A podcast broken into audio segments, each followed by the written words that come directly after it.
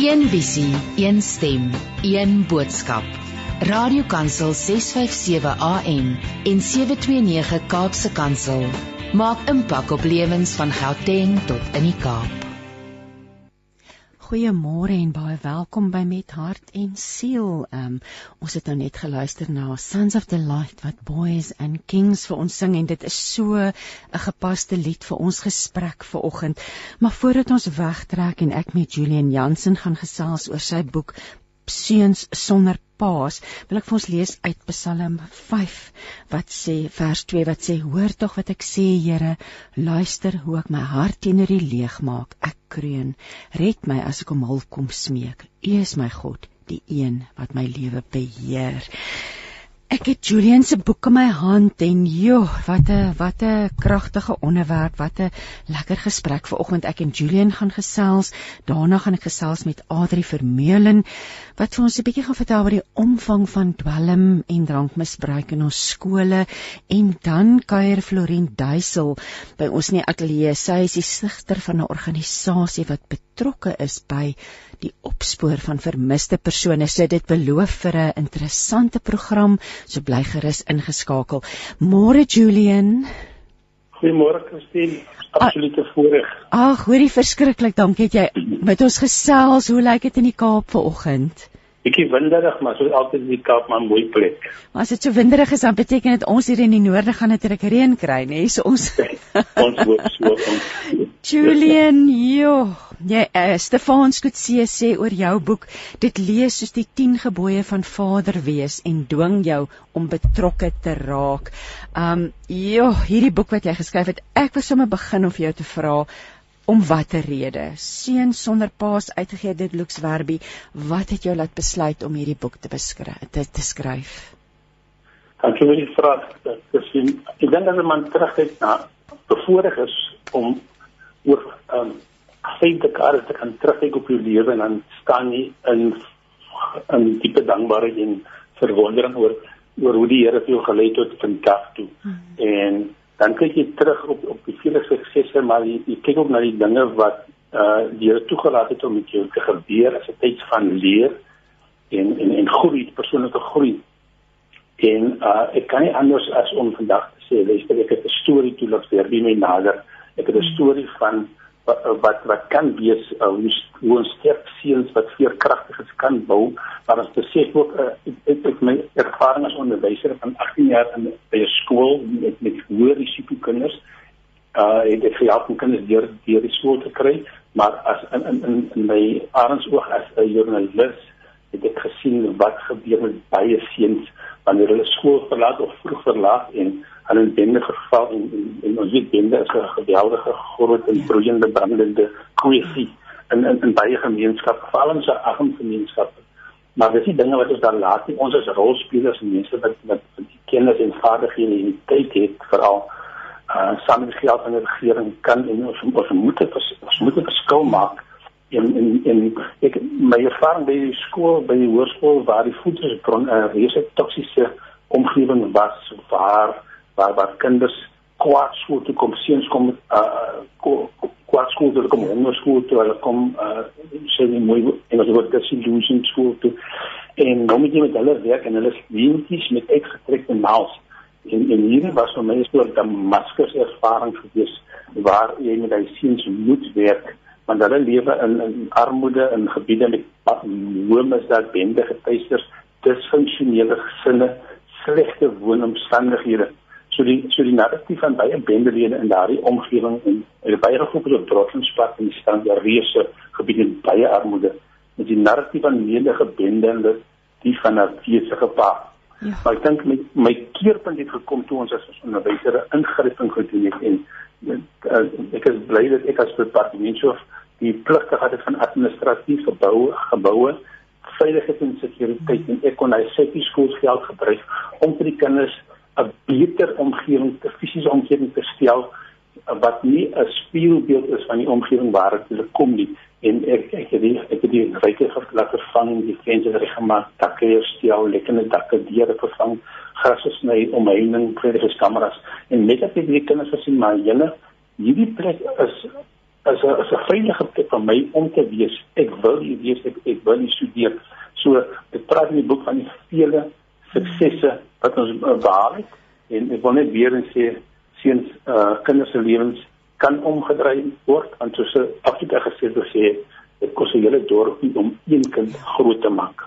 Jo Julian ek hoor twee goed. Ek hoor dat jy absoluut perfek geposisioneer was dat die Here regtig waar die ruimte geskep het en en jou hart gebruik het om om om om verandering te begin daar by die skool en wat vir my toe jy nou praat van die vensters regmaak en die gras sny dis goed wat paas eintlik vir hulle seuns leer nê. Nee. en eh, deur selfs net jou dop te hou dink jy daai seuns het ietsie raak gesien van hoe behoort 'n pa op te tree? Absoluut. 'n uh, pa is in 'n posisie om 'n verhouding met sy seun te hê uh, enige kind is 'n absolute uh geskenk van God en 'n pa moet 'n verhouding bou met die seun reeds voor geboorte. Ja.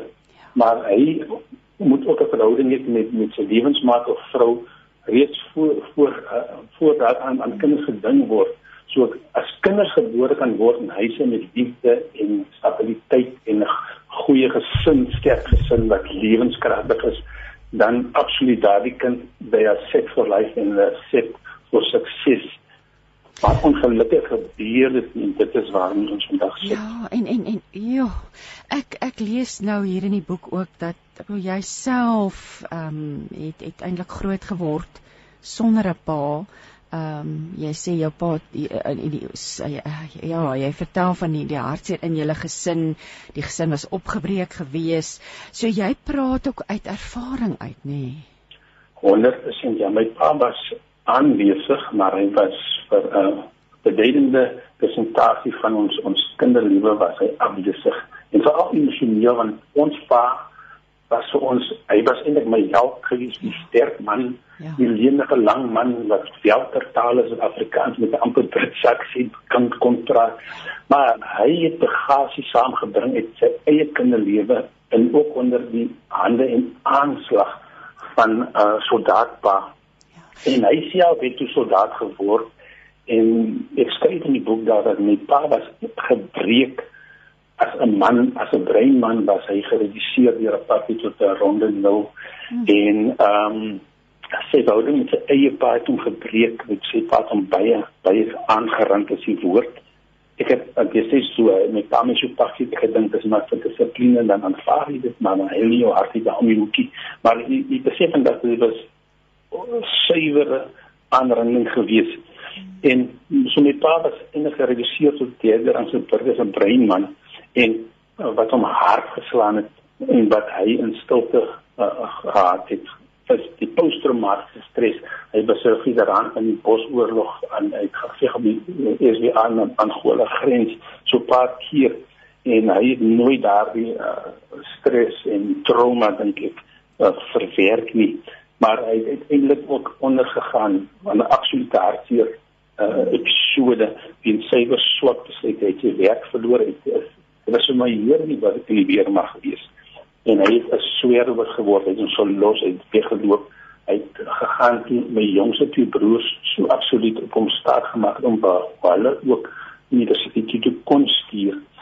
Hy het 'n hawelose geword en aan die einde van sy lewe het skolies om met gebou gegooi ek moes ek moet bende hier op skoolies en hy ons hom 'n paar jaar later aangetref in in die spinale unit van die Konrad Hospitaal by Kaapstad waar hy 'n parapleeg en paar maande daarna nadat ons mekaar vergewe het en omhels het en alles sy hele het hy gesterwe en al wat oorgebly het in sy boedel wat absoluut hartseer is is 'n mes 'n vurk uh, met sy naampie op sipele in die rolstoel. Julian, het jy toe al besluit jy gaan die lewe anders benader of het dit eers later gekom dat jy gevoel het hier lê iets in jou hart om 'n verskil te maak? En is my iets ek 'n tweede vraag sommer in dit ingegooi. Jy het ook jy het jy daarna verwys. Dit is nie net 'n pa wat fisies nie teenwoordig is. Dis 'n pa wat ook emosioneel nie beskikbaar is vir sy kinders nie, nê? Nee. Aanwesig is, ja. Ja. So jy wan op watter stadium het jy daai besluit geneem of watse effek het dit op jou op jou menswees gehad? Was jy verbitterd? Ek ek hoor jy sê jy het vergewe. Um vertel 'n bietjie meer vir ons daaroor. Ja, ek ek ek, ek glo dat elke mens kan hoor en luister en kan maar sens sensories uh, gebruik is in 'n posisie tot verandering en en wat beter kan ons verander as 'n krisis baie mense dink die skip gaan ons letterlik sink as 'n krisis is, maar 'n krisis net soos COVID krisis tans op ons is. Uh, het COVID het die COVID krisis van baie dinge ontbloot ons swakhede veral. En um, my katastrofe was as, kind gewees maar met die Damaskuspad was gewees by die laaste skool waar 3 jaar was Christof Hoërskool in Strand. Toe daar krisis was, hoe werk jy met hierdie mag oormag? Van hoë risiko seuns en ek, ek, ek kon daar besluit luister uh behalwe dat ek as vader van twee pragtige seuns getroud vandag uh vir hulle geleer het om om binneperke te forteer om hulle te sê luister jy die beste pas trots op jou allerlei dinge en en en, en, en jy kan dit doen. Dit is hoe ek hulle goed gemaak het. Ek, ek besef ek sal hierdie seuns wat na skool toe kom ook op daardie selfde prinsip moet ehm um, moet uh, opvoed ekonomie onderwysers so baie dat ons ons die skool 'n beter plek fisies gemaak het het ons begin om om kontak uh, met die siel van die kind te maak die hart van die kind. Dit kan nie 'n seun wat kwaad skoot kom vra dit was hoe hy weer tot dag hy gaan positief reageer jy moet eers hom ja om sy hart te vind. Dit het ons 'n uh, organisasie ingebring byvoorbeeld die Hearts of Men wat met hoë risiko seuns gewerk het. Ons het seuns wildernis ervaring gees en 'n berg het gevat. Ons het gesê luister in die berge is reëls. Jy kan doodgaan as jy nie die reëls hou nie. En die seuns het dit fisies hierdie goedjies in werking gesien en besef as ek nou by die reëls dan kan ek ten gronde gaan. So ek dink dit is hoe ons uh, die, die kinders uh, se opvoeding en die aanpak het. Sy nou praat so van die berge, dit laat my nou onmiddellik dink aan Wild at Heart um John Eldridge het daardie boeke enigstens 'n impak op jou lewe gehad?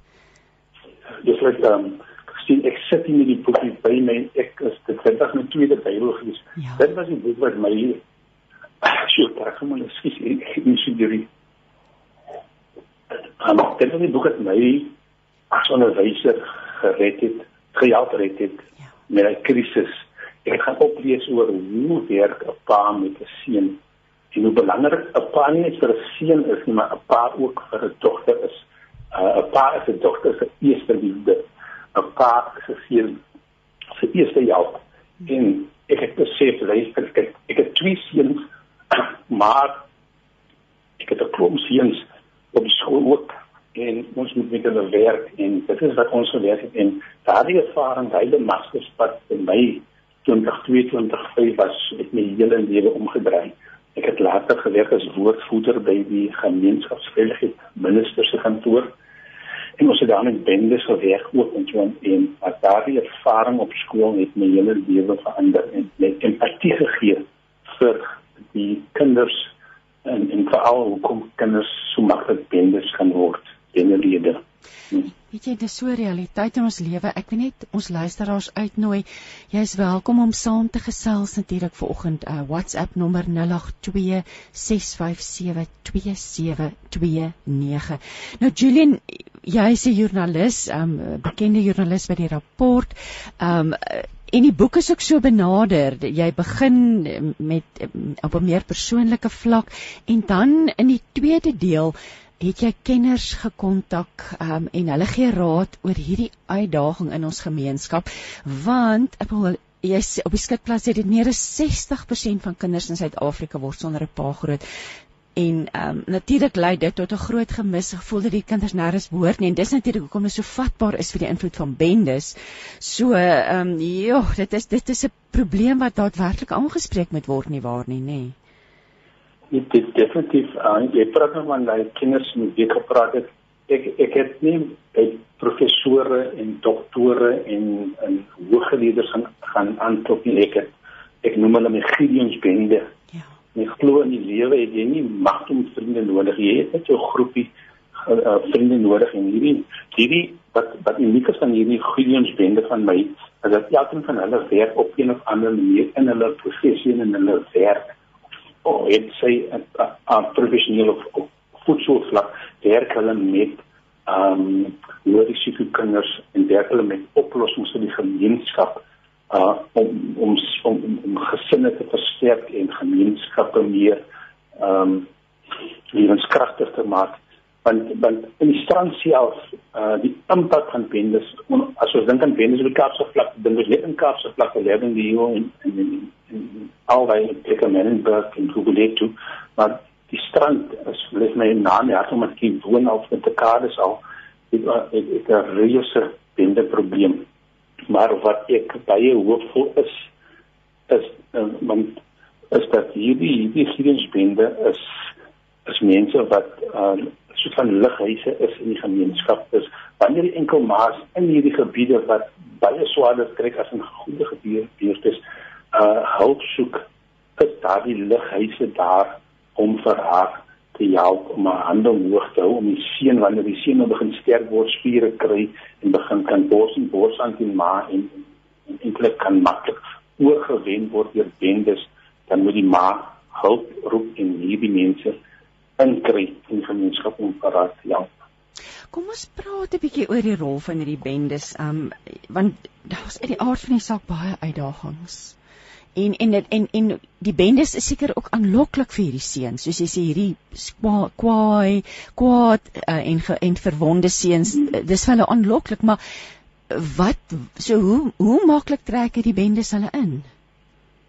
Ja, kom ek sê vir u dat seuns is baie kwesbaar wanneer hulle beweeg van tienerfase. Adolescent na jongman toe en as die seun ek glo dit sterk as enige gemeenskap 'n seun in die steek laat. As 'n dorpie nie die seun help nie as die ouer nie daar is nie as almal hom versaak glo ek dat daar die seun sal terugkeer met wraak with vengeance en daar die gemeenskap aan sy hak uit. En dit is wat op die kaarte vlakte gebeur honderde seuns wat versaak word in hulle ontwikkeling na jong mans om 'n doeltreffende uh, onafhanklike kritiese uh, kommersiële vertroue te wees en dit nie gebeur nie kom die kind terug. En en bendes is 'n sigbare kanker van wanneer huisgesin en gemeenskap in duie stort eintlik. Hulle is vir my persoonlik eintlik sosiaal-maatskaplike armoedems disfunksionele groepe.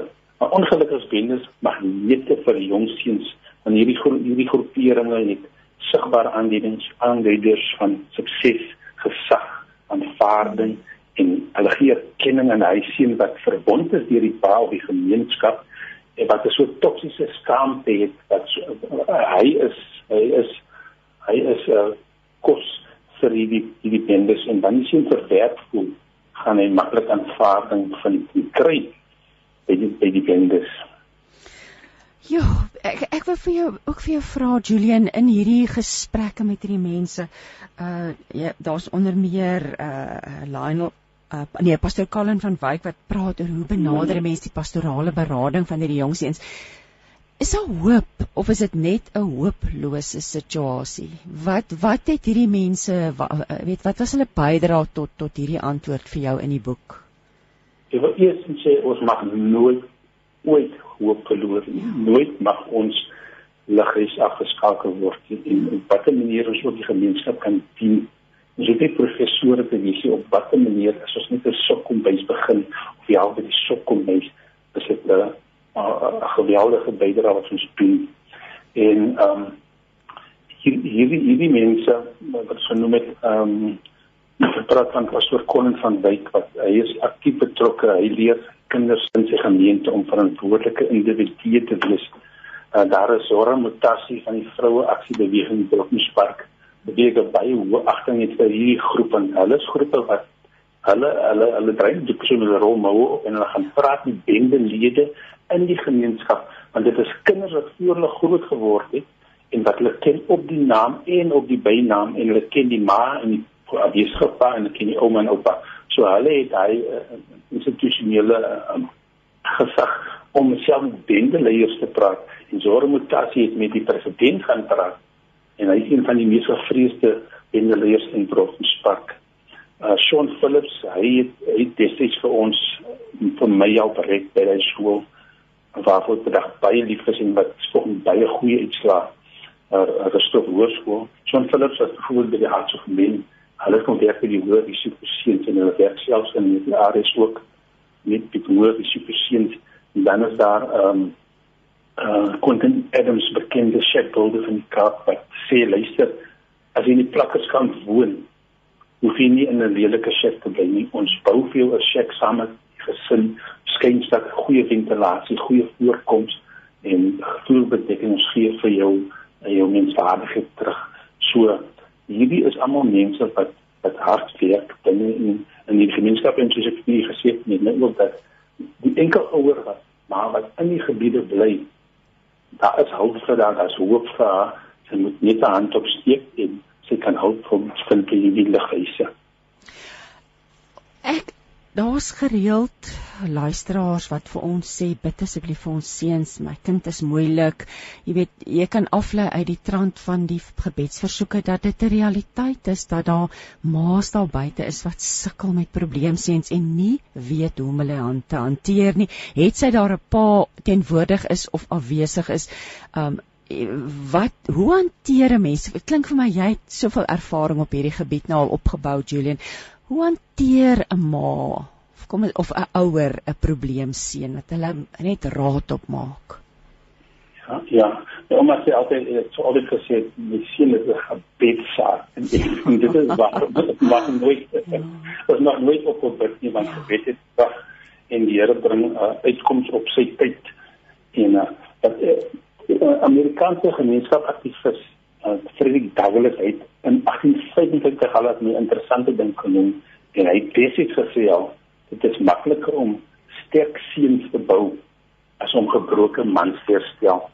En ek dink dit is waarmee hoekom ons vandag so lei onder bende bedrywighede ons kan nie ons sukkel om gebroke mans te herstel om mans weer terug te laat keer na die huis toe. Ja. So enkel mamas um, my oorlede vrou wat hulle sê jy moenie so so enkel mamas sê maar ek is absoluut hulle is my helde en enkel mamas is slim hulle sterk hulle self onderhoudend uh, hulle kan multitask maar hulle het ook net soveel hande en en soos net genoem het selfs in arm gebiede is daar uh, instansies op voedselvlak wat wat mamma kan help met haar seun want seun raak groter hy hy hy hy kry spiere hy besef later nie op 17 hy hy is hy kan selfs kinders verwek. Hy can be a a weapon of of mass production as ek dit nou so communication sê.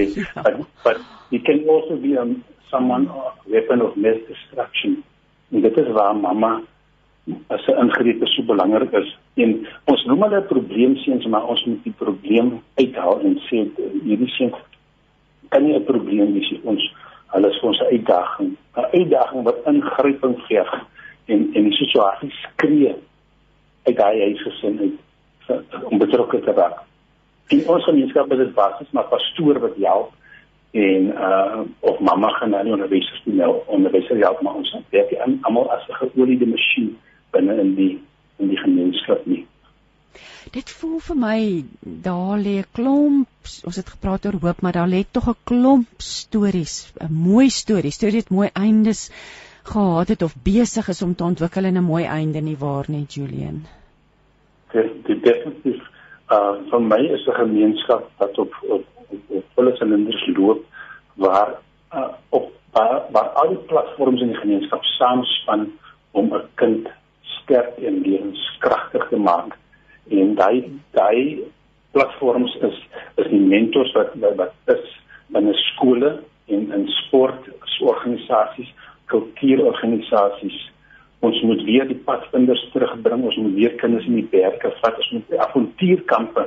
Ons moet nie uh, uh, skoolvakansies vir die TV lê met met selfoon nie. Ons moet ons kinders weer terugvat na die avontuurkampe, toe ons in die mooiste berge, die mooiste natuursonele in, in die wêreld in en ehm um, ons op hierdie platforms is is mentors sonder kwitansieboeke mense wat positiewe invloed op 'n enkel maar se kind kan wees. Ons moet mans minder sien as laste ons moet mans self afwesige pasiënte begin sien as potensiële bates. Ons moet self vir hulle bereik om te sê kom terug toe en terug meneer en dit uh, wees verantwoordelik maar wees ook verantwoordbaar om ons om ons gemeenskap weer veerkragtig te kan maak.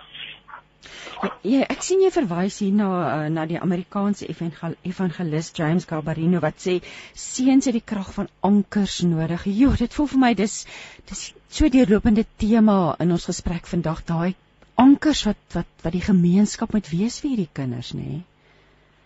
Absoluut. Ehm um, ek ek weet hom in vir Garbarino ingesluit want hy gee eintlik van soveel praktiese en, werkbare raad oor hoe om die seuns te werk want hy sê in elke seun is daar behoefte vir daai is verskillende ankers en net net om die kind weer kragtig te maak. En hy hy sê van die kragtes is hy sê as ons sê ankers vir die kind gee nie gaan die kind 'n soort uh, toksiese skaamte ontwikkel. Hy gaan verwerp voel en hy gaan soveel makliker meer aanklank vind in die verkeerde elemente in ons situasie die die, die bendes en en so aan ons hy sê daar van kinders het ehm um, byvoorbeeld geestelike ankers nodig. Ehm um, en met navorsers sê dat 'n kind in die wat glo sy lewe het 'n godsdienstige doel en 'n bron van uh, geestelike ondersteuning wat self dinge soos depressie in in seuns en ons weet daar is baie depressie in in, in kinders uh, 'n anker kan wees vir kinders dat daar selfs 'n afname, bededigende afname in dinge soos selfdood, depressie, geloofse seks en middelmisbruik uh, dat kan 'n dieper respons as 'n geestelike ankers is. Dan praat hy ook van sielkundige ankers uh, waar seuns uh, kan terugbons na trauma en en en mishandeling self. Ehm um, dan ook ehm um, sosiaal-maatskaplike ankers. Want baie interessant is hier gesonde gemeenskap beskerm sy seuns en hou hulle by mekaar dat hulle opgroei en en en, hy konsep van jou kind is my kind en dis weer terugbring. En wie is daar as jy moet die antiese kind aanspreek dan kom jy aan te vir jou hierso aanspreek oor die oor die waarde kry en weer ons stel en dit is tipe oor ons sit op met 'n tipe oor beheerder wat as jy 'n kind goederlik aanspreek dan neem jy take offense. Ja. Maar sosiaal-maatskaplike ankers is is, is geweldig belangrik. En sê Derberine ook ongelukkig val daar kinders deur die suf, maar ek glo ook dat die spreekwoordelike sterretjie wat ons teruggooi sien ons moet altyd probeer 'n selfe sterretjie se weg met die gety aan die oop see vind. Julian, maar dit, dit jy praat nou oor die geestelike ankers. Die geloofsgemeenskap, ons mag nie ons rug op hierdie situasie draai nie, nie waar nie. Glad nie. Glad nie. Ehm um, sien ehm um, ons moet onthou dat ons lewe nie meer in die industriële revolusie of die landbou ja. uh en dan die die die tye het dramaties verander oor die eeue en ons lewe in 'n tyd van waar jy nou as jy nou 'n resep wil hê vir vir iets dan kyk vinnig kry op op op die selfoon. Ek het groot geword in tyd dat keertjie op bank gemaak het om die hartjie televisies te gee. Ons is bang vir die broodstorie en as gesê as jy nou nou jou lewe vir die Here gee en laat sien gaan jy stap by die vir die dood en jy het dit help nou so ek skryf ook in die boek aan my papas vir ons meer prominent as Jesus Christus in daardie tyd. Ons was vreeslik bang met pa gewees maar geloofsgemeenskappe hoe maak ons sin met al hierdie nuwe inligting die, die toegang van inligting vir kinders ehm um, wat kinders enige inligting op die internet kan kry. Hoe ondersteun ons die presentasie gesinne waar vroue aan die hoof van die van die van die gesin staan? En professor Regin Jan van die Universiteit van Stellenbosch hy het vir my daai laaste geweldig interessante uh, hoofstuk geskryf van wat kan geloofsgemeenskappe doen om 'n verskil te maak. Dan sê hy daarso dat geloofsgemeenskappe moet al hierdie dinge in ag neem wat ons nou net genoem het en aan die einde van die dag moet geloofsgemeenskappe sterk kinders bou wat binne al hierdie veranderinge sterk kan staan onafhanklik kan optree krities kan dink goeie verhoudinge kan hê met sy of haar medemens en goeie besluitneming kan doen dit dit dit dit weer ons na daai dat ons met die kragtigheid en dan noem jy ook daar aktiwiteite so met aktiwiteite soos jeugkampe moet weer prominent word en paas moet begin gesprekke met mekaar hê. Hy volwasse gesprekke van hoe gaan ons die waarde terugtrek. Ja. En so die kerk het 'n geloofsgemeenskap het 'n geweldige groot rol om te speel ons kan nie ons kan nie net op die kantlyn staan nie, daar moet daadwerklik iets gedoen word om 'n verskil te maak en weet jy dis die jeug, dis die toekoms van ons land. Dis dis van wie ons hier praat. Ek sien agter in die boeke so 'n hele lys van ehm um, instansies waar mense kan hulp kry. Ehm um, so dis regtig hierdie boek is is 'n gids Julian dit dit dit dit lê dit lê dit gooi die kollig op 'n op 'n groot probleem. Ek wil nou vir jou vra wie wie behoort hierdie boek te lees? Vir wie het jy in gedagte gehad toe jy die boek geskryf het? Wie's die leser? Ek ek voel dat die onderwys as 'n platform gaan 'n beduidende rol speel van hulle. 'n Onderwyser is vir 'n groot deel van die dag in kontak met kinders en hulle kan daar 'n rol speel, maar ek het groot empatie vir onderwys met dieselfde uitkom want hulle is toegegooi onder administrasie in my in my tyd as 'n meester as jy 'n goeie onderwyser gekenmerk om as jy as jy verslagboek in jou in jou beplanningsboek netjies is mooi getrek is mooi prentjie en so en agter mekaar dan is jy ge, as 'n goeie onderwyser maar dit maak mos nie 'n goeie onderwyser nie. Ja. Jy gaan nog 'n goeie onderwyser wees wanneer jy 'n beduidende impak maak op baie hoë risiko kinders wat so skool besoek en dat jy hy insterretjie in see kan teruggooi en hy sterretjie gaan. Julian hier's nou. Hier's nou 'n luisteraar wat sê goeiemôre Christine en Julian. Hoe gemaak as 'n enkel ma van 4 met twee seuns?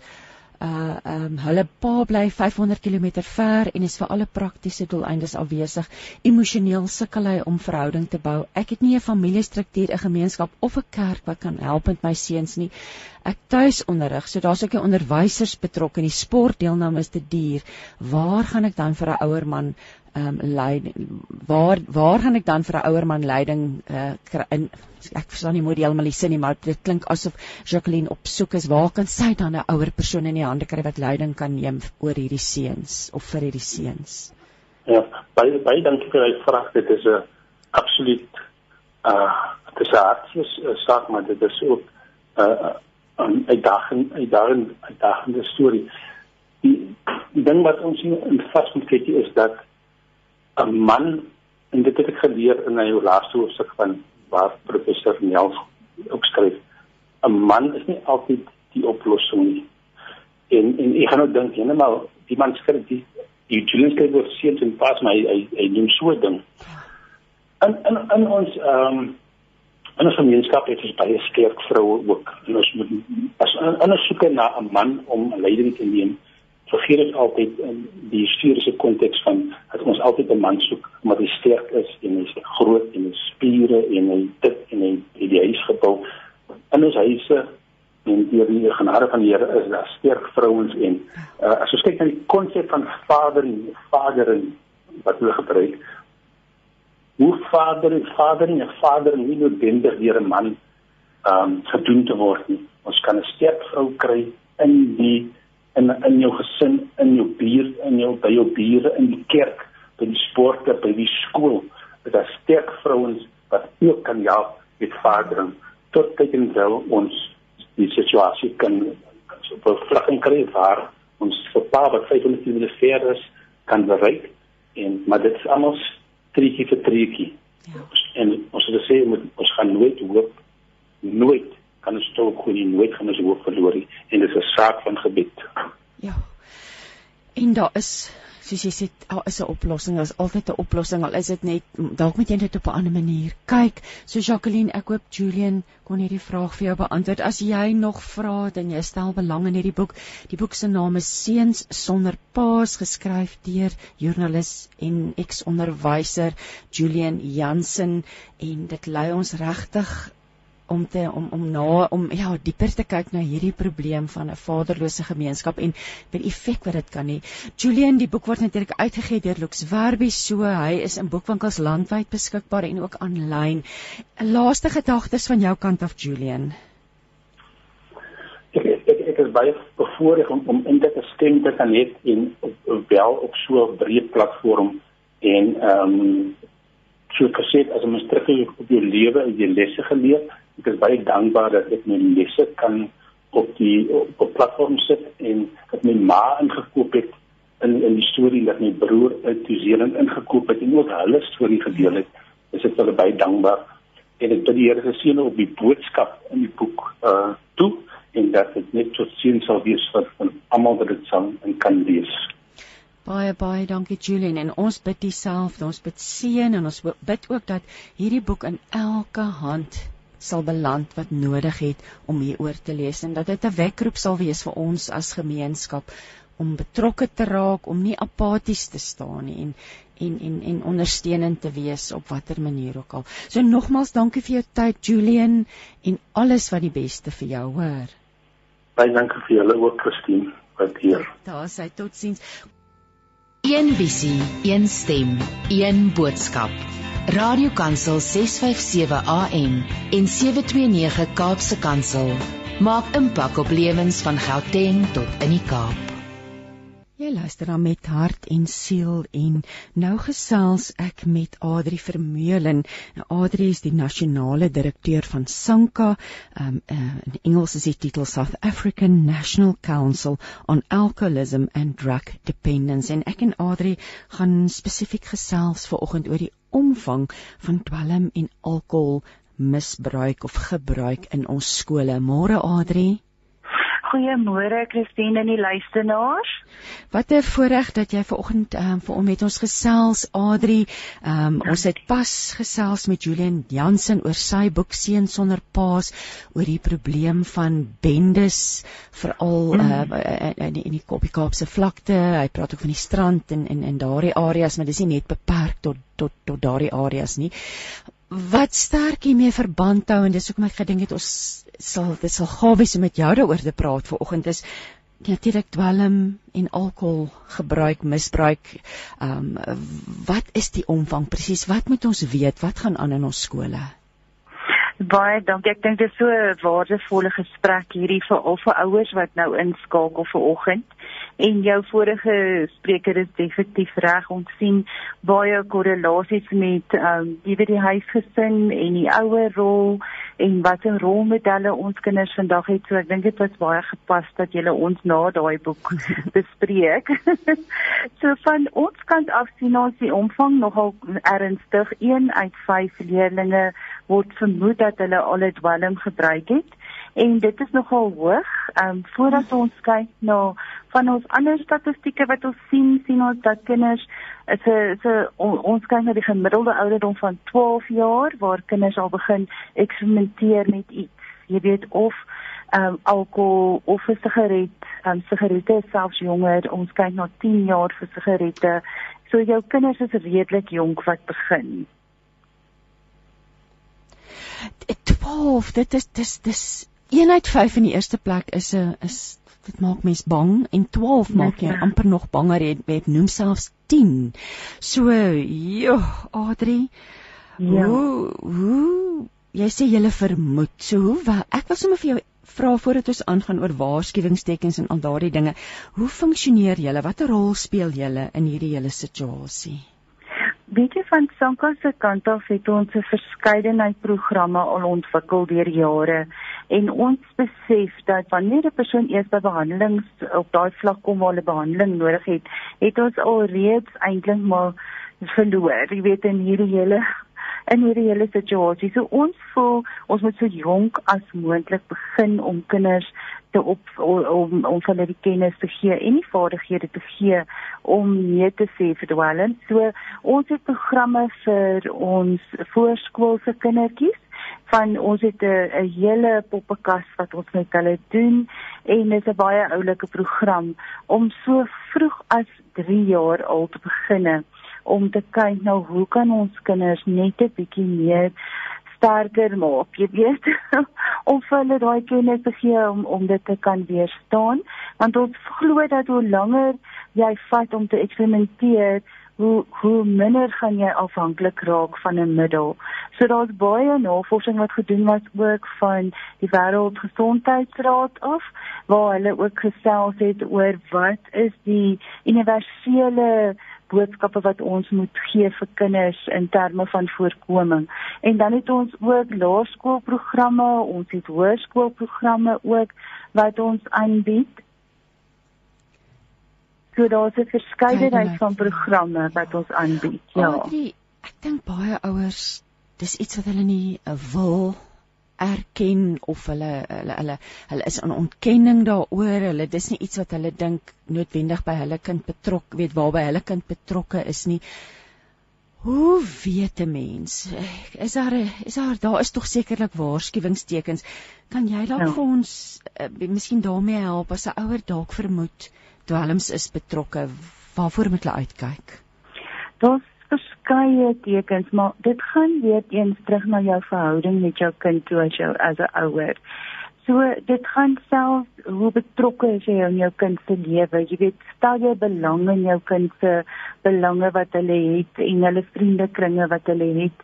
Want dan gaan mens baie vinnig optel wanneer daar veranderinge is in gedrag byvoorbeeld of 'n persoonlikheidsverandering is of dat hulle gesindheid verander uh, verander ook teen die lewe. So ons verskeie fisiese tekens ook waarvoor ouers kan uitkyk wat die maklikste is. Jy weet, want dit is gewigsverlies, dit is velkleur, dit is kyk nou byvoorbeeld hulle oë of dit rooi is, um nadat hulle uitgegaan het. Kyk nou ook um of daar enige aptydveranderinge is in jou kind of hulle meer dors of honger is of selfs belangstelling verloor en alles gedrag definitief is hulle meer geïrriteerd, is hulle meer aggressief, meer apaties. So hoe affekteer dit hulle motivering, hulle konsentrasie, hulle hele belangstelling in die lewe verander. Jy weet, so hulle stel nie meer belang in die dinge wat hulle voorheen belangstel het nie. En dan ook die verhoudingsvertroebel in die gesin. Jy weet, en mense verstaan mens het normale adolessente gedrag, maar hierdie is buitensporig. Jy weet wat ons na kyk en hoe dit die kind affekteer. Vir al met mens kyk na maar en ek weet baie ouers sê maar ek kan nie my kind se selfoon ingaan nie. ek kan nie my kind se kamer gaan rondstap nie, maar ons sê dat mens moet so nou en dan gaan seker maak is daar nie ander tekens van van dit wat mens kan ontdek in hulle kamer nie. So daar is nie bang wees nie, moet nie bang wees vir jou kind nie, want nie bang wees nie. Ja, want baie ek het al gehoor sielkundiges wat sê die ouers is deesdae bang vir die kinders. Hulle is jy weet hulle wil nie die waar die dit in die oog kyk wat aan die gang is nie.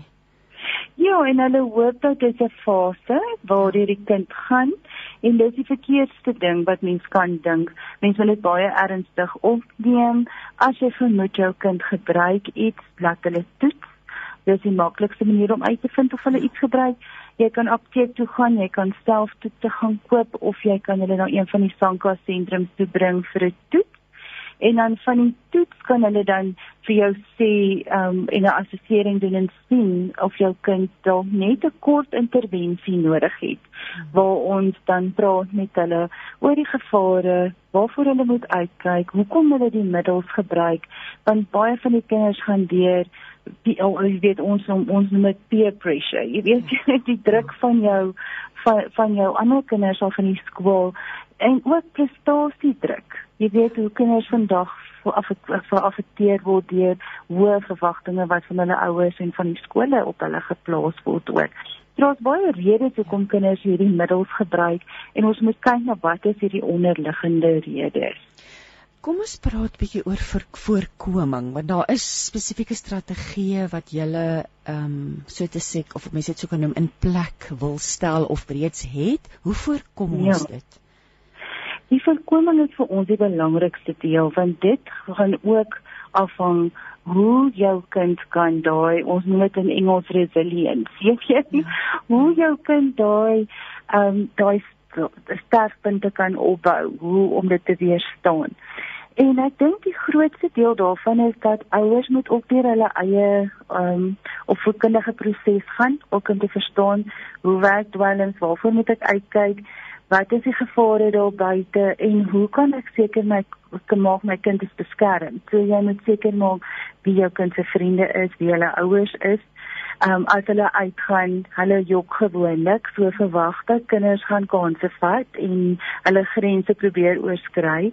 So vat hulle self, tel hulle self op um, maak seker jy um, is deel van jou kind se lewe definitief. En dan dink ek ook die belangrikste deel vir my is van die intervensie is ook om te kyk na jouself as 'n rolmodel vir jou kind. Jy weet hoe tree jy op Ehm um, hoe hanteer jy druk? Hoe hanteer jy jou stresvlakke? Ehm um, en hoe hanteer jy alkohol in jou lewe? Jy weet is daar is jy 'n verantwoordelike gebruiker of nie? Want dit is vir kinders die eerste plek leer is by ons as ouers. Hmm. Ek wil vir jou vra ehm um, waar dit is vir interessant dat jy sê ek het ek persoonlik was nooit bewus daarvan dat mense regtig so maklik met julle kan kontak maak en dat julle hulp aanbied nie waar in die land is daar oral stakke van sanka Ons het 31 klinieke en oor die 70 dienspunte reg oor die land. So dit is vir ons baie belangrik dat mense kan op ons kontak. Ons het ook 'n WhatsApp lyn waar mense ons ook kan kontak en vir ons vra vir raad of vra waarheen hulle kan gaan vir hulp. En ook op ons webwerf is ons ook beskikbaar en daar kan hulle ook sien waar's al ons verskillende takke in die land ook. Maar ons is in al 9 provinsies. Party van ons provinsies het ons nie dienste oral nie, daar dalk is al een diens, maar dan het hulle soos uitreikdienste waar mense ook kan kontak maak met hulle. Ek wil nou vir jou vra oor die Online Addiction 2021 konferensie ja. wat plaasvind vanaf die 21ste tot die 23ste Julie. Wat is die doel hmm. van hierdie konferensie? Ons is verskriklik opgewonde oor hierdie konferensie want dit is ons eerste een in die land wat ons hou. Waar al ons al ons slimkoppe bymekaar gaan kom hopelik en kyk na wat is die beste wetenskaplike getoetste maniere om uh, om dwelmafhanklikheid te voorkom en ook te behandel. So vir ons is ons baie opgewonde selfs internasionale sprekers gaan daar betrokke wees. Ons van ons um, nasionale sprekers ook. So regtig ons bring praktyk en teorie bymekaar. Jy weet waar ons gesels oor dit. En ons weet ons altyd gapings, jy weet tussen praktyk en dit in die teorie uh, gaan en gaan implementeer. So ons wil graag daai saamkom as professionele mense, maar ons het ook insaal van ons opvoedkundige sektor nodig, ons onderwysers. Jy weet oor wat hulle beleef by skole, hoe ons kan meer effektief wees met ons voorkomingsprogramme in ons skole ook. So daar's geweldige uh, daar's baie dinge wat ons wil doen in hierdie konferensie en ons hoop ons het genoeg tyd. Maar vir ons is dit die eerste stapie om ons almal net saam onder een onder een dak te kry waar die aanlyn dak, die virtuele dak. En gelukkig het ons hierdie voorreg om dit aanlyn te kan doen. So ons het ook internasionale sprekers wat ook ons kan leiding gee. So sou selfs iemand 'n lid van die publiek wat wat iemand wat ja, selfs 'n ma of 'n pa wat dalk bekommerd is oor oor hulle kind se dwelm misbruik, sou hulle kon in uh, inskakel hierby kon hulle sal hulle hierby baat? Hulle sal definitief kan baat vir al omdat daar baie navorsing gaan wees waar mense gaan sê wat werk en uh, wat werk nie in praktyk. So ek dink hulle sal baat vind daarbey. Maar ek dink ook ons moet kyk na dat hulle deel vorm van aanlyn opleiding by Sanka ook vir ouers. Daar is inligting ook beskik, beskikbaar op ons webwerf. Daar is wat hulle kan aftrek ook. So ek dink mense moet kyk wanneer ons net die konferensie vir ouers ook. So dit gaan absoluut oor jouself, eers jouself jou kennis op te bou rondom chemiese afhanklikheid en dan jou vaardighede te leer hoe om jou kind te hanteer en ek, ek ons doen baie ouer uh, leidingsprogramme en ons sê altyd begin van jongs af met jou kind praat. En dit hoef nie te sê dis dwelm dis hoe dit lyk nie maar van kleins af wees wees net attent op dit en sê vir jou kinders onthou daar's medikasie wat mamma vir jou gee en net die dokter vir jou voorskryf. So jy begin al klaar saadjies plant oor die gevare van middels jy weet en maak seker dat hulle nie in jou medisynekas ingaan nie en waarsku hulle teen dit. So dit begin van baie jongs af wat jy hierdie gesprekke met jou kinders begin. Adri, uh, kan jy dalk asseblief net julle webwerfadres vir ons gee? Seker is dubbel ek weet net al die www.tankanational national.info ja. en ons WhatsApp lyn is 076 535 1701 of jy kan ons skakel gedurende kantoorure op 011 892 3829 Ek gaan dit net herhaal. So as jy belangstel in van hierdie inligting wat Adri vanoggend met ons gedeel het en nog meer wil weet, gaan maak 'n draai by www.sanka, dis S A N C A national.info. Ehm um, ja, en die en daar is ook 'n WhatsApp lyn as jy hulp of raad nodig het 076 535 1701 en dan herinner ek net weer aan die Addiction 2021 konferensie.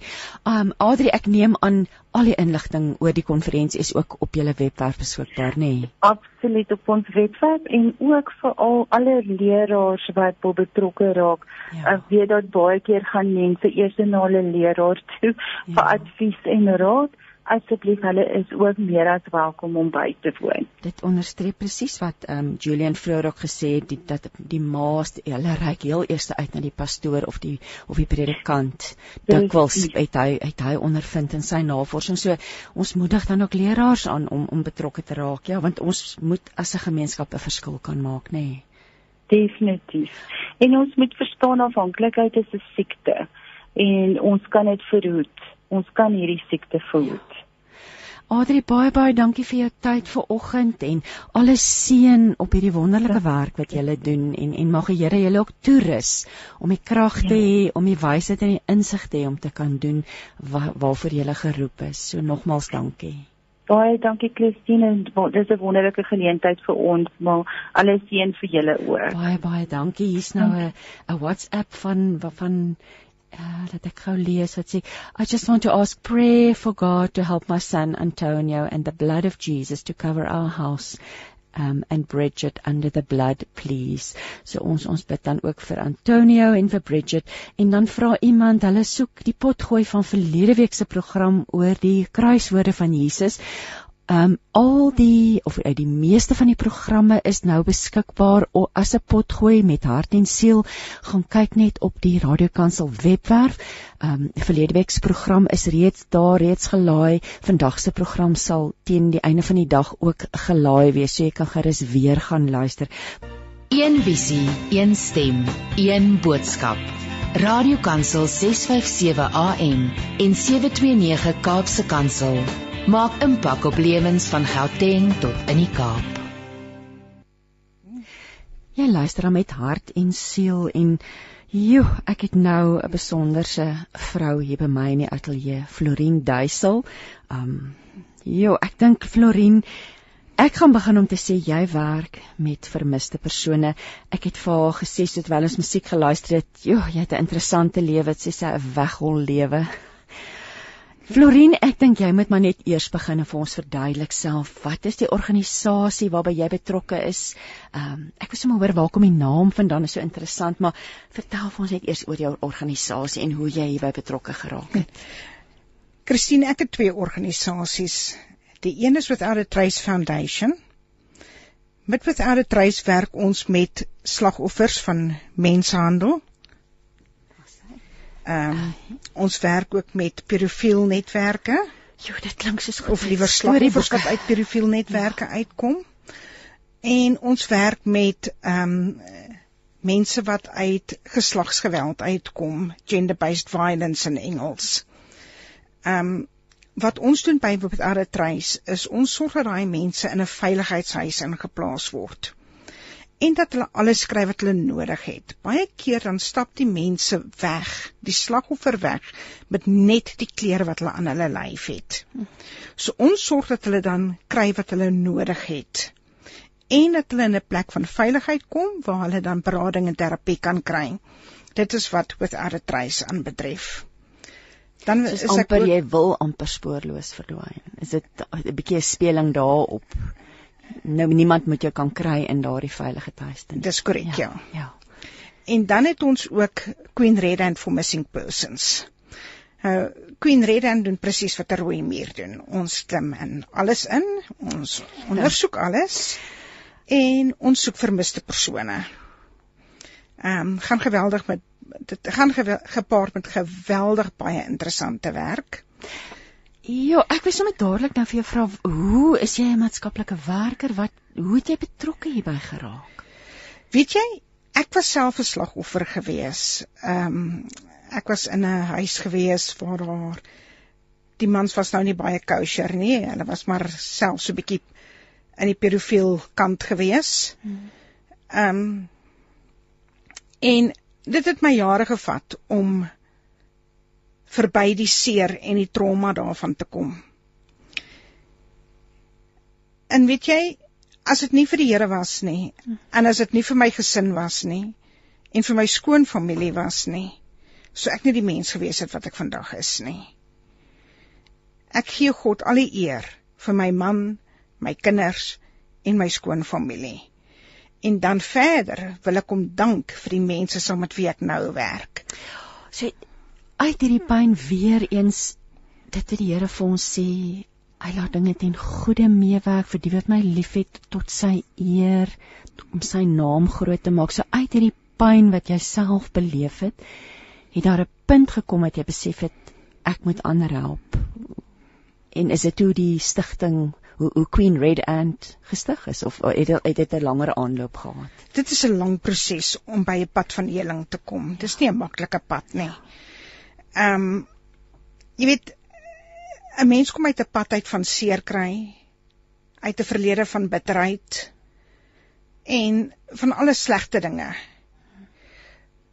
En dan moet jy jou weg daardeur vind na die positiewe toe.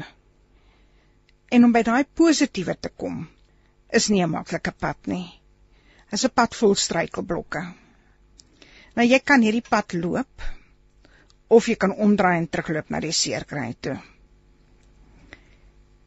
Ek het gekies om vorentoe te beer. En dit is regtig nie maklik nie. Dit is ook hoekom ek 'n slagoffer se hart verstaan. Want ek weet dit is baie maklik om om te draai en terug te gaan. Jy weet mishandeling en enige vorm van seksuele mishandeling is soos 'n addiction. Jy gaan altyd terug. Want die pad terug lyk vir jou makliker as die onbekende om onbekende pad vorentoe. En dit is waarom mense so baie keer terugdraai na die seerkry toe. Terugdraai na verhoudings wat seer maak. En Mens hoor so baie keer en weet jy ons mens gaan in oordeel in, dan sal mense sê maar hoekom los sy hom nie net nie of hoekom en dit beantwoord nou eintlik wat jy nou daardie vraag beantwoord jy nou eintlik vir ons dat die onbekende lyk dikwels moeiliker as die Ja. as dit wat bekend Ja. is. Die onbekende lyk vir jou baie moeilik want dit is vreemd en jy's bang daarvoor. En jy weet wat jy gehad het. Jy weet die Engelse het 'n baie oulike gesegde. Rather the devil that you know than the one that you don't know. So jy weet dit is hoe 'n slagoffer redeneer. Ek gaan eerder terug na dit wat ek ken as dit wat ek nie ken nie. Op watter stadium het jy toe Queen Red Ant for missing persons gestig? Weet jy, ek het net iewers besluit. Ek kan nie eers vir jou 'n dag en 'n datum sê wanneer nie. Ek het net iewers besluit dit is nou tyd om vorentoe te beweeg. En dit is tyd om aan te gryp wat die Here vir my bied en dit is die vryheid en die verlossing wat daar is. En jy wil dit graag vir ander mense bereikbaar en beskikbaar maak. So hoe werk julle? Werk jy alleen? Ehm um, jy werk saam met die polisie, jy werk saam met die valke. Ehm um, jy werk saam met ehm um, ehm um, missing missing missing persons SACCW missing persons South African hmm. wat waarvoor staan SACCW? Ek werk saam met SAPS, die valke, SACCW Dit staan vir South African Community Crime Watch. Hulle missing persons afdeling. En ek werk saam met Unchain Our Children. Hoe lyk 'n dag in die lewe van Florien Duisel want dit klink dit soos dit klink soos iets wat uit op wat Ja. mense op 'n TV-reeks sien of of Ons is die lees. drie organisasies wat hande gevat het en besluit het jy weet in eendrag is mag. Hmm. Ons kan soveel meer bereik as ons saamwerk as wanneer jy alleen werk. En ek moet vir jou sê ons sukses is omtrent 80%. ongelooflik. En ons het almal dieselfde hart. En ons het almal 'n geweldige passie vir wat ons doen. Ons werk heerlik saam as 'n span. En daar's nie wrywing, jy weet, soos met ander mense saam met wie jy dalk werk in 'n kantoor opset of wat ook al nie. Ons werk as 'n span saam. met 'n met 'n verskriklike ernstige doel om iemand te vind of 'n vermiste persoon op te spoor. Ja, ja. Elke oorwinning vier ons as 'n span. Hoe werk dit? Dit is dit fascineer my. Kry jy 'n oproep? En my my kind is weg of my vrou is weg of hoe werk? As ek nou vra hoe lyk 'n dag in die lewe van Florien? Sjoe. vra ek jou nou 'n moeilike vraag. Ja. Oh, kom ons Ag jy kan bietjie rustig dalk oor hom dink. Dis nou my nuuskierige joernalis instinkte wat nou hier oor neem. Maar kom ons begin en praat ons eers bietjie oor die realiteit en die omvang van mensehandel in Suid-Afrika want vir baie van ons voel dit iets onwerkliks. Hoe groot en hoe werklik is dit regtig? Weet jy, mensehandel in Suid-Afrika is geweldig groot. Dit is regtig waar geweldig groot. Ehm um, mensehandel het verskillende afdelings. Dit gaan nie net oor seksslawerny nie. Dit gaan oor goedkoop arbeid. Dit gaan oor ehm um, orgaans onwettige orgaanskenkings. Uh weet jy daar's soveel aspekte van mensehandel. Dit is net nie waar nie. Ehm um, daar's maatskappye daar buitekant wat van goedkoop arbeid gebruik maak. Wat mense gevange hou in woonstelle en so aan. Ons noem dit ook debt bondage. Jy weet jy kry behuising, jy kry hierdie en daai en hierdie allerlei voordele, maar nou moet jy werk daarvoor. En ek hou jou salaris terug want jy skuld my eintlik geld. Ehm um, dis een faset Ek, daarvan. ek wil net daaroor vra, is dit meestal immigrante of is dit ook ons eie plaaslike mense wat in in hierdie web betrokke raak wat so gevang word? Ja, Soos beide, werk beide kante. geweldig baie. En dit is armoede. Die oorsaak daarvan is eintlik armoede. Armoede En mense sien geen uitweg definitief. 'n rol, ja. Weet jy sedert COVID-19 Ja. is dit asof daar uh asof mensehandel die hoogte inskiet want mense is desperaat vir werk.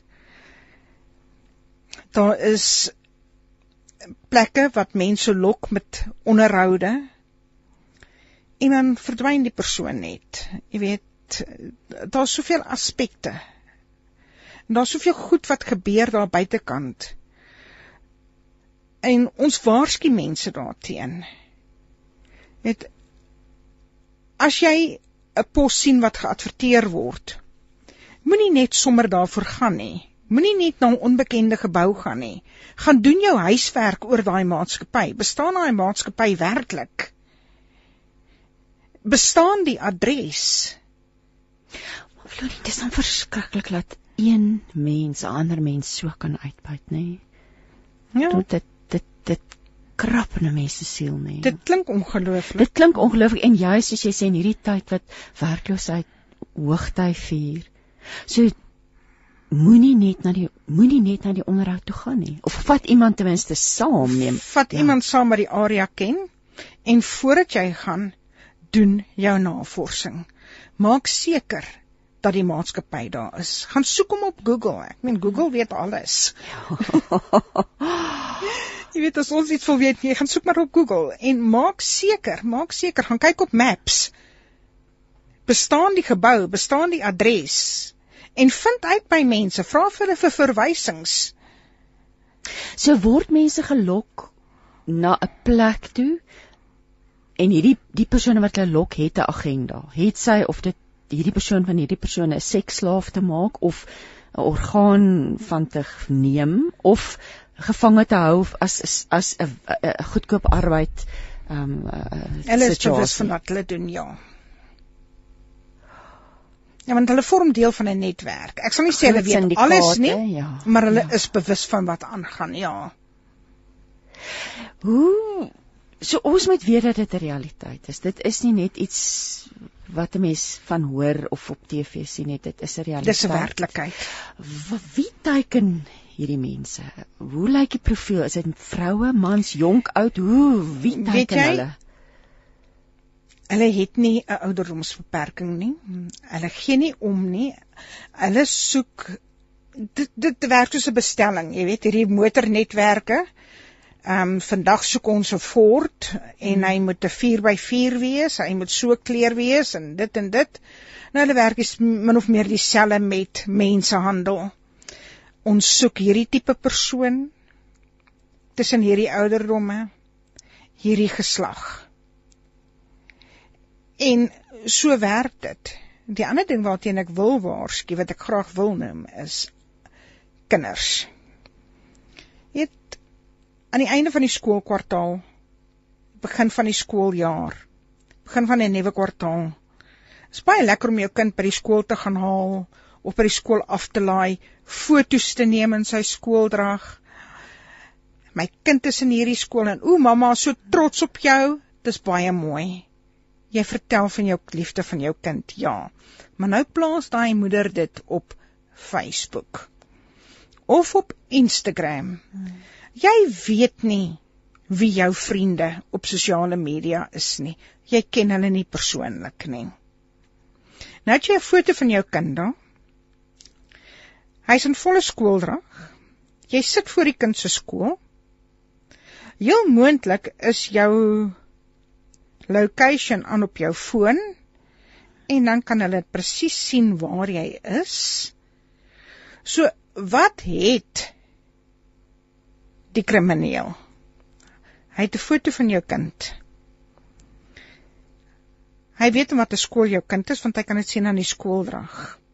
En hy weet waar die skool is. Nou een middag is een middag wat jy by die skool gaan aankom om jou kind te gaan haal en jou kind is nie daar nie. Dan is jou kind weg. Ons wil die ouers waarsku asseblief. Stuur hy foto vir ouma en vir oupa ja. Stuur hom van die familie naaste aan jou wat jy goed ken, want onthou selfs in jou familie kan daar iemand wees wat nie heeltemal eerlik is nie, wat nie suiwer gedagtes het nie selfs by jou naaste vriende. So onthou, daai foto van jou kind, hou hom. Moet hom nie op sosiale media plaas nie, want jy plaas jou kind se lewe in gevaar. Hm. En weet jy, iemand luister dalk nou en dink, "Joh, dis dit klink nou amper twee dit dalk is ons nou vat ons dit nou te ver." Maar jy sit aan die ander kant en jy sien wat gebeur. Jy jy weet hoe lyk dit. Jy weet hoe voel dit as 'n ouer jou bel en sê my kind is weg. Hoe kom mense by jou uit? Verwys jy weet hoe of, of hoe gebeur dit? Bel 'n ouer en sê my kind is weg. Weet jy, ons nommers is oral. Ja. Ehm um, dis op flyers wat reeds uit is. Mense sien dit op sosiale media. Ehm um, ons het Facebook bladsy uh ek het 'n Instagram bladsy, ek het 'n bladsy op um LinkedIn en dan is daar ook die webwerf. So dit is alles maniere wat ons die woord uitkry en dit is oral plekke waar mense ons nommers kan kry. En dit natuurlik die wonderlike teendeel dat jy dat sosiale media ook 'n groot rol speel weer om mense te vind, nê? Nee? Ja. Dis nou weer die teendeel daarvan. So mense moet so versigtig Ja. wees oor hoe jy dit hanteer. Dit hang af hoe jy dit hanteer, ja. Florine, en hoe gereeld, hoe eh, ja, hoe gereeld word mense vermis? Is dit 'n daaglikse gebeurtenis in Suid-Afrika? Weet jy daar raak daagliks mense weg. Ehm um, so tussen 3 en 5 persone 'n dag. Ons kry, kom sê dis 5 persone. Ons kry 3, moontlik 4 en een vat langer om te kry, maar uiteindelik kry ons die persoon. Dit vat net langer. Ehm um, partykeer jare, partykeer maande, partykeer weke. Ons kan nie sê hoe lank dit vat nie. Maar ons kry op die ou einde van die dag 'n leidraad wat ons lei na die persoon toe. Ongeag hoe lank dit vat. Ons het geweldig baie ou sake waaraan ons werk, sowel as nuwe sake. Ek neem aan as mens daai persoon terugkry, dit die groot werk, die groot genesingswerk, die groot bidwerk gebeur dan amper nê. Nee. Want hulle kom seker redelik geskaad emosioneel terug vanuit hierdie ervaring uit. Weet jy, daar is goed wat ons sien wat 'n mens vang. Ehm um, en dan is daar goed wat jou wat jy sien wat jou baie kwaad maak. Het, jy het emosies. Ek meen ons is ook maar net mense. Ons deel met ons emosies. Hmm. Ons het gelukkig baie oulike beraders aan ons op ons spanne wat saam met ons werk, wat ons ondersteun, wat ons help deur daai moeilike tye, moeilike fases. Ehm um, en jou bystaan om die goed wat jy sien te kan verwerk. En jy weet soos wat ek vir jou in die begin gesê het, as dit nie vir my geloof in God was nie, dan sou ek hierdie werk glad nie kon doen nie. Want daar's soveel goed wat triggers is in jou eie lewe, ja. Ja. En daar's soveel gevalle wat triggers is. Maar omdat ek geleer het hoe om dit te hanteer, affekteer dit my nie so erg nie. En dit help my want ek kan daai selfe emosie vat en ek kan sê, maar ek verstaan jou. Ek weet waar jy vandaan kom. Ek weet hoe jy voel. Ek ken die gevoel. Maar weet jy, ek weet ook dat jy oorwinning daaroor kan kry. En dit is vir my die lekkerste. Jy het nou gepraat van ou en nuwe sake. Is daar 'n hoe vir hoe lank? Hoe lank vat dit voor jy weer iemand kry? Dit wissel neem ek aan, maar so 'n bietjie oor die proses, jy weet, dae, weke, maande, jare self sê jy? Weet jy dit hang af. Partykeer kry ons die persoon baie vinnig, nog dieselfde dag. Ander kere binne 'n paar dae. Partykeer neem dit weke. Partykeer langer. Dit hang af van die omstandighede waarin die persoon is wat weggeraak het. Het daar's mense wat wil wegraak. Hmm. En dit is hulle wat jy regtig lank voorsoek want hulle wil wegwees. Iemand hier by Radio Kansel het vir my gesê, ehm um, uh, ek moet vir jou 'n vraag vra. Sy wonder so oor hierdie vals alarm. Sy het genoem hierdie stout kinders. Mens wil nou nie 'n 'n 'n 'n etiket daaraan sit nie, maar sy het sê sy wonder altyd mense hoor van hierdie kinders wat wegraak of mense wat wegraak en dan is altyd kinders wat net gaan partytjie hou dit vir 'n naweek of hoe hoe onderskei julle tussen julle weet seker dadelik as dit 'n vals alarm is of is dit moeilik om te bepaal? Weet jy dit is redelik moeilik om te bepaal. Daarom het ons verskeie vrae wat ons die mense vra. Ehm um, Maar ten spyte daarvan, jy weet, antwoord ouers nie altyd eerlik nie. Want hulle wil nie die familie se probleme ontbloot nie. Ja. Wat jy kan verstaan in 'n mate. Ja. Maar jy, um, jy het seker alle sesde sintuig om deur al hierdie goed te werk en te sien, nê? Ja. Maar jy moet die ouers se vertroue wen om regtig waar agter die kap van die byl te kan kom. Die heel eerste ding wat ons doen is ons soek maar gewoonlik by vriende, vra is die vriende gekontak? Is familie gekontak? Waarheen sou so 'n persoon regtig wou gaan? Het almal van ons het daai plek waarheen hmm. ons graag wil wegraak. En net wil iewers gaan sit en afskakel. Waar is daai plek? En ek het al vir baie mense daai vraag gevra en dan sê hulle vir my, "Maar ek weet nie." Ja.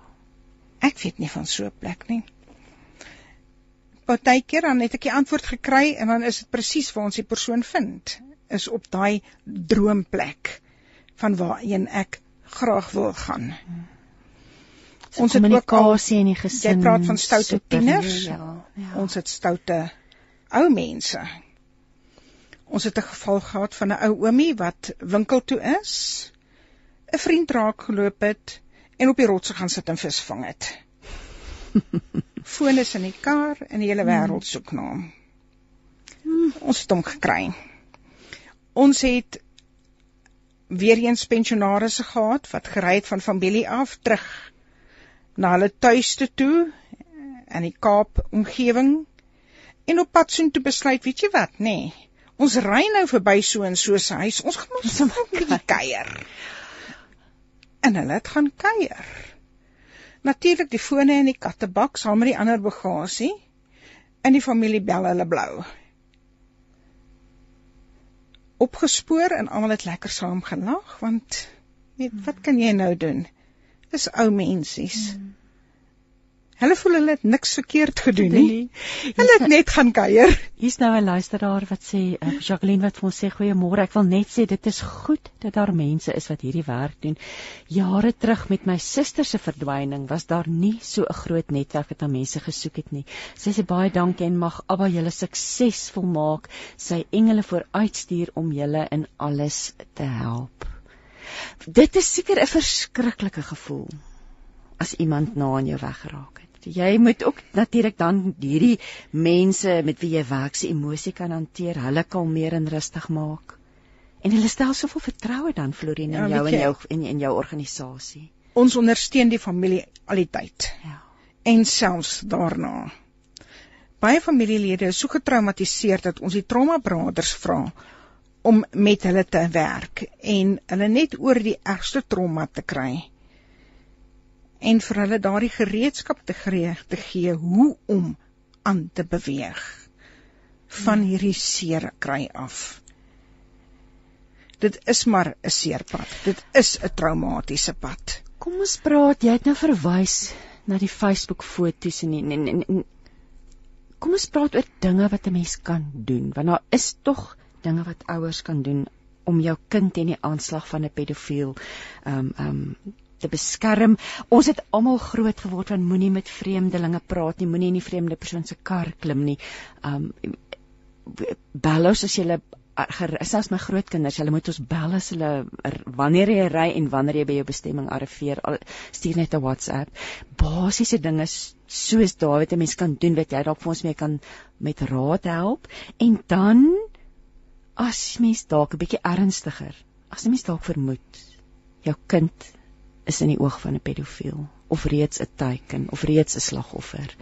Wat doen 'n mens? Weet jy, eerste ding is 'n pedofiel taak nie net die kind nie. Hy taak die ouers ook. Hy begin met 'n grooming met 'n grooming proses dis wat ons dit noem. Ehm um, hy wen jou vertroue as ouer. Sy bevriend jou. Hy wen jou vriendskap. Ja. Hy wen toegang tot jou huis, tydig en ontydig. En dan sodoende wen hy toegang tot jou kind, tydig en ontydig. Hy wen jou kind se vertroue. Hy dra duur geskenke aan. Hy's altyd bereid om te help. Hy wil baie graag jou kind by die skool gaan haal.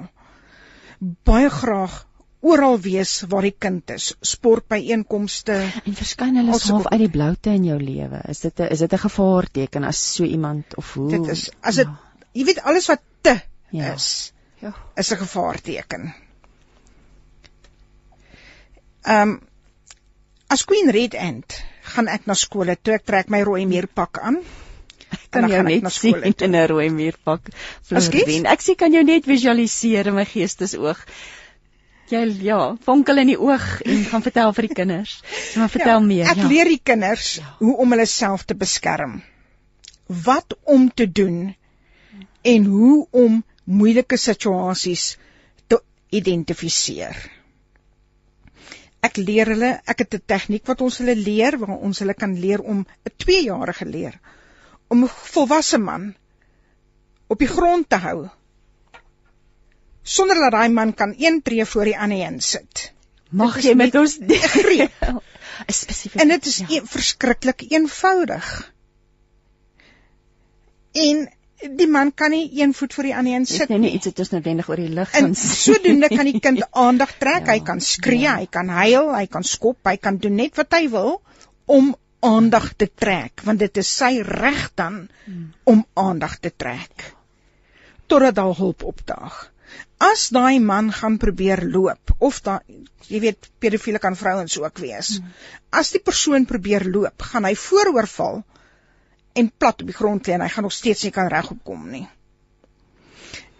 Ehm um, ek het 'n tegniek wat ons vir die kinders leer as hulle in 'n kar geforseer word. Wat om te doen sodat hulle nie in die kar kan kom nie. En hoe om aandag te trek terwyl hulle in die kar geforseer word. En ons leer dit alles deur middel van demonstrasies vir die kinders. Baie lekker, die kinders speel geweldig saam en hulle geniet dit en terwyl hulle dit terwyl hulle speel, leer hulle en hulle besef nie hulle leer hierdie veiligheidstegnieke aan nie. Ons leer hulle ook met poppespel van eh, veilige plekke op my liggaam. Alles wat onder my klere is, is net myne. My handjies, my bene, my gesiggie kan ander mense sien. Maar die res mag niemand sien nie. Ehm um, daar's ook tegnieke wat jy jou kind kan leer om jou te vra as ouer vir hulp wanneer die kind in 'n moeilike situasie is sonder om woorde te gebruik, net met die gebruik van sy handjie. Een handjie. En hy vra mamma vir hulp. En as mamma oplettend is, dan gaan sy dit onmiddellik raak sien. Jy kan ook vir jou kind 'n kodewoord leer. 'n geheime woord wat net tussen jou en jou kind is. En as daai kind daai woord gebruik, dan weet jy as ouer, my kind voel nie veilig nie. En my kind is in 'n situasie waarin hy of sy ongemaklik is en hulle het hulp nodig. En onmiddellik kan jy reageer as ouer en jy kan jou kind help. Hoe groot is die omvang van aktiwiteite van van pedofiele of die die, die ja, hoe is dit is dit kom dit Engels het 'n woord rife. Is dit rife? Kom is dit geïsoleerde gevalle? Hoeveel hoeveel het julle daarmee te maak? Weet jy getalle kan ek nie vir jou regtig bevestig nie, maar daar is nie werklike statistieke in Suid-Afrika nie. Want dit is ook iets wat in die geheim gebeur natuurlik. Maar ons werk daagliks daarmee. Ek het daagliks kinders by die skole wat ek nou besoek het voor COVID-19 wat my bel. Of mammas wat my bel. En sê hulle wil met koningin Rooimuur praat. Ja, dan praat ons met die maatjies. Maatjies wat geboelie word by die skool. Ek het mammas wat my bel, luister hierso, Pietie wil nie vandag huiswerk doen nie. Help. En nou dan praat ons nou maar met die ou maatjie en as ons klaar gepraat het, dan doen hy sy huiswerk. Het ek het net in 'n kort periode het ek vir kinders 'n ikoon geword.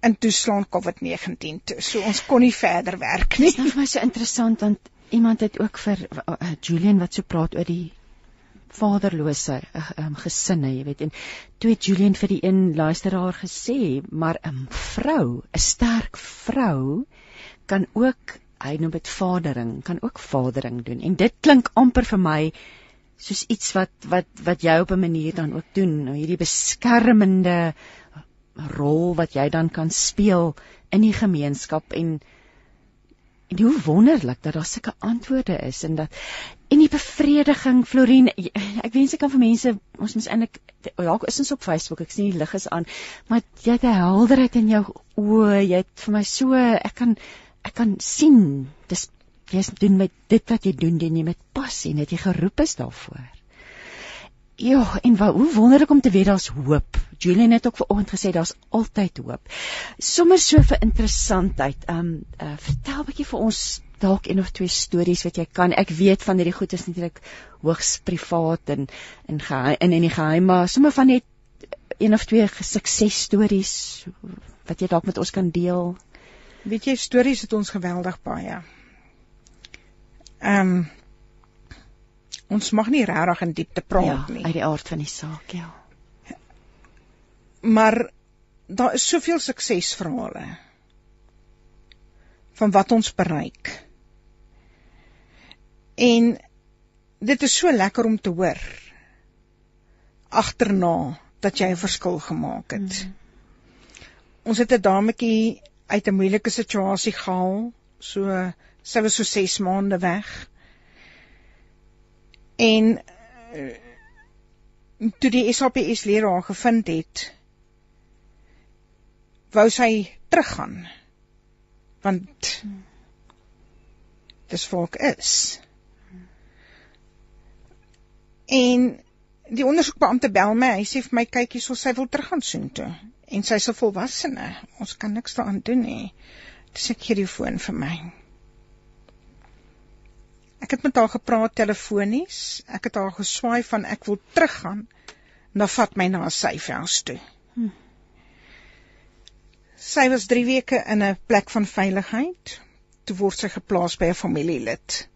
Sy floreer. Sy is terug by 'n familie. Sy doen 'n verantwoordelike werk. En dit is so lekker as sy my bel of my WhatsApp en sy sê vir my, "You know what? You really changed my life. Hmm. You really made a difference. 'n Ander geval van 'n jong meisie wat besig was met matriek.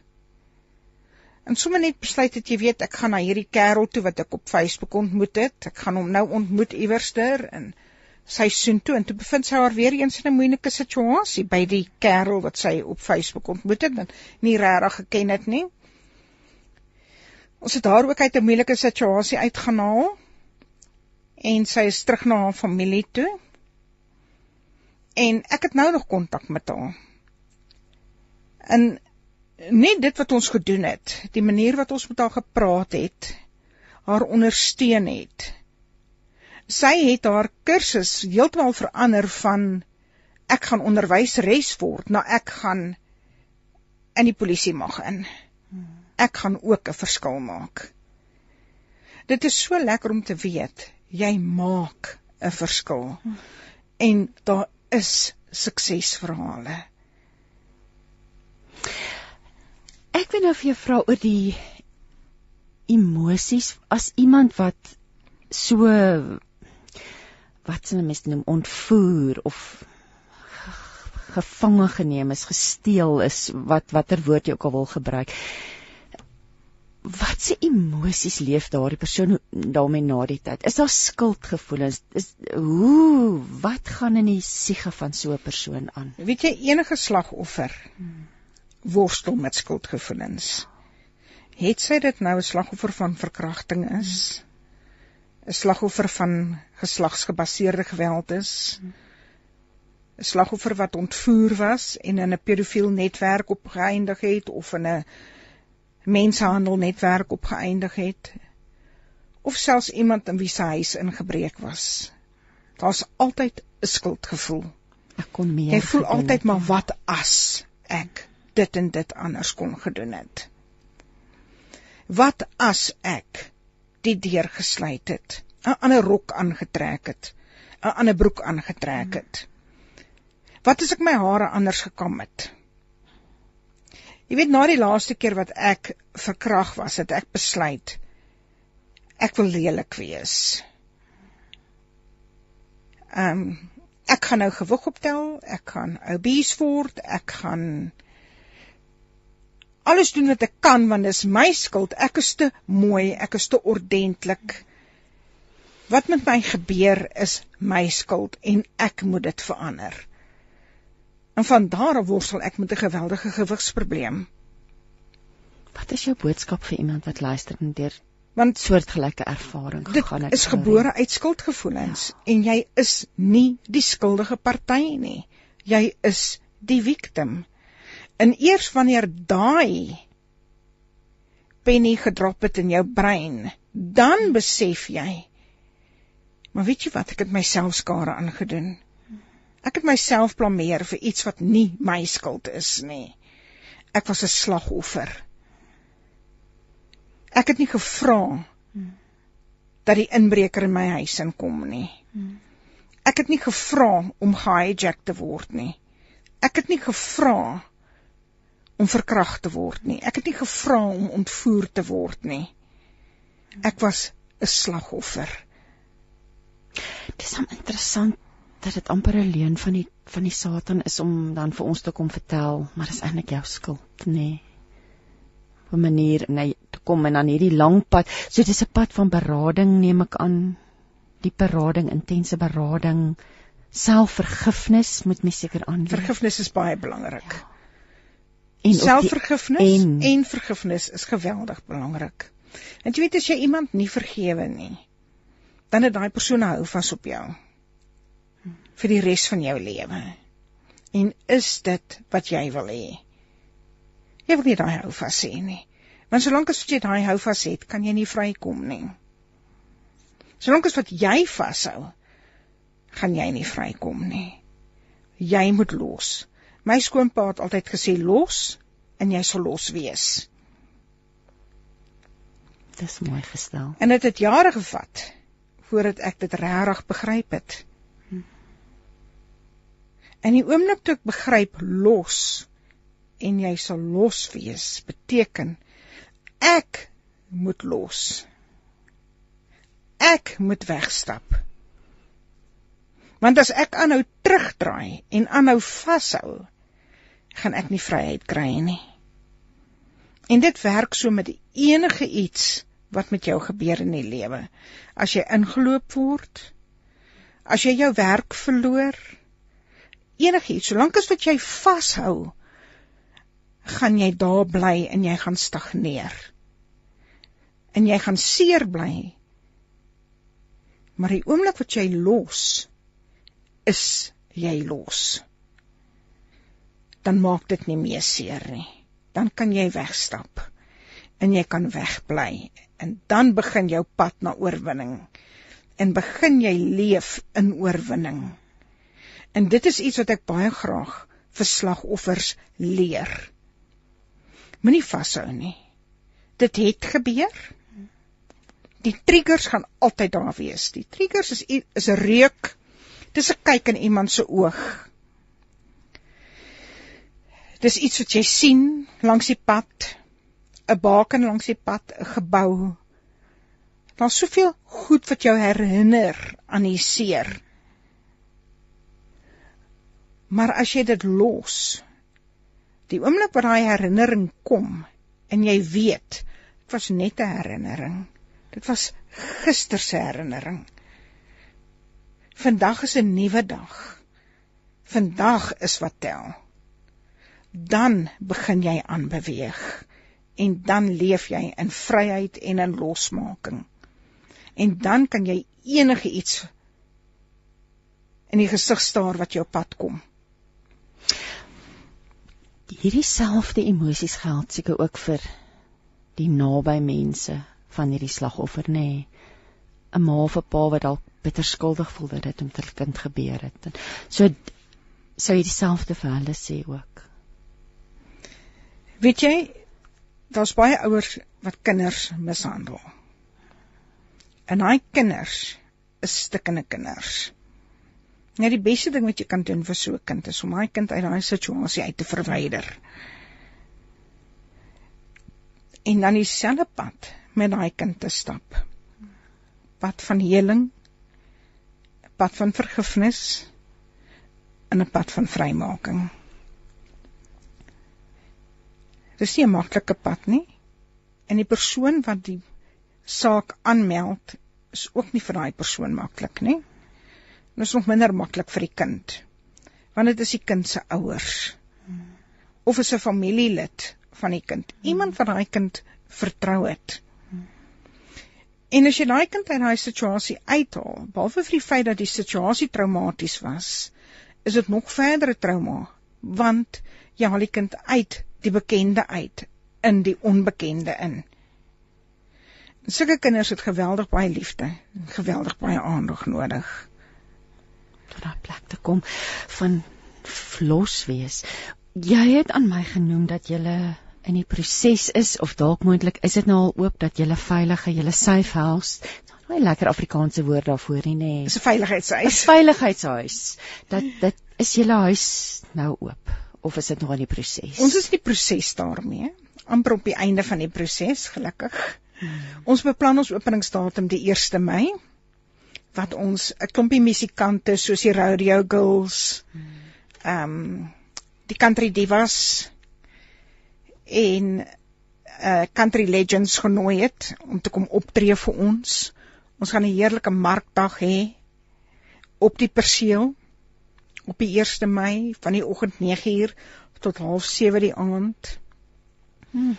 Ehm um, so net lekker saam kuier, lekker musiek luister en vir die mense wys wat ons beplan in Centurion en wat se verskil ons wil maak. Ons gaan vir hulle demonstrasies gee, ons gaan vir kinders 'n puppet show gee. Gaan gaan jy in die rooi muur kostuum wees? O, ek gaan natuurlik my rooi muur pak aan hê.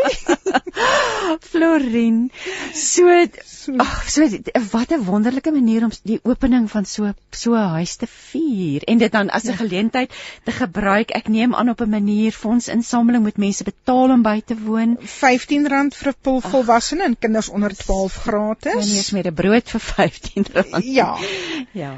Ehm um, en dan as netlik as jy 'n stalletjie wil huur R200 vir die dag, dit is dan van die oggend tot die 07:30 die aand. As iemand nou luister, jene ek sien dis al 6 minute voor 11. Die tyd het so gevlieg. As iemand nou luister en hulle wil meer weet oor hierdie opening en om betrokke te raak deel te wees, waar, wat is julle webwerf? Ons webwerf is www.missing sa.co.za en hulle kan my ook kontak op 061 ja. 123 3767 en dis ook in geval van nood dieselfde dieselfde kontaknommers. As iemand graag met jou wil kontak maak om hierdie saak te bespreek of dan soos ons nou gesê deel te wees van die bespreek ja, of, of deel te wees. So alles ja. wat jy wil weet oor die werk wat Florien Duisel ehm um, ek gek oor hierdie naam Queen Red Ant for missing persons. Jo, ek dink dit in daai knypertjies. Baroy meer byt mos seer as ek dit mis. Ja, maar jy klim ook oral in. Klim oral in en dit is so beskerm en dit is 'n pragtige pragtige prentjie. So Florien Duisel stigter van die Queen Red Ant for Missing Persons en dit is 'n afdeling van Without a Trace die Without a Trace Foundation. Florien ongelooflike werk wat jy doen en jy en jou span en soos jy sê jy werk nou saam met die polisie, saam met die valke. Um ongelooflik ons bid regtig die Here se seën op jou toe. En en ek wil by jou hoor ek wil net gou loer of iemand hier nog vir ons 'n boodskapie gestuur het. Hier's 'n klomp mense wat net sê amen. Ehm um, daar's iemand wat sê ehm um, dankie vir die inligting. Dit was mooi gestel. Daar sê allerhande lekker lekker terugvoer. Iemand wat sê hulle kan ons nie hoor nie. So ek ons ons is noem dit ook in ons tegniese mense daar's dalk 'n ontvangsprobleem maar Florien ek wil hoor is Is jy lus om vir ons af te sluit met 'n gebed vanoggend asseblief? Ja, daar sê. Ja, sal jy vir ons bid? Kom ons sluit die oë, kom ons bid. Nou, weet jy daar's soveel dinge wat aangaan aan buitekant. En as ek nou vir iemand iets moet sê om my persoon te bemoedig, hmm. dan wil ek sê, weet jy, werk met wat jy het. Die woord van God baie verhale in die Ou Testament in die Nuwe Testament leer die woord ons werk met wat jy het. En as jy ooit oor moet begin in jou lewe, kyk wat het jy? En werk daarmee. Hm. Dit is die sleutel tot sukses. Ongeag die swaar kry. Baie dankie. Dankie vir jou tyd Florin. Ja, en ag, ek gaan dan vir ons net 'n gebed doen en ek wil sê Vader, ons dankie vir mense soos Florin. Vader, ons dankie vir mense soos Julian en Adri wat werk met hierdie situasies in ons gemeenskap of dit nou kinders sonder paas is of kinders wat mishandel word of vrouens wat groot mense of wie ook al mishandel word. Iemand wat dalk uh, sukkel met dwelmnood. Ouers wat bekommerd is oor hulle kinders. Here dankie vir hierdie mense. Ek lig hulle na u toe op vir oggend en ek vra dat u die werk van hulle hande sal seën.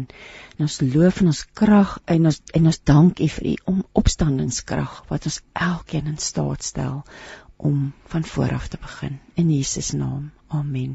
Amen. Dankie aan Pomane vir sy tegniese bystand en liewe luisteraar, ons groet tot volgende week hier op met hart en siel. Totsiens.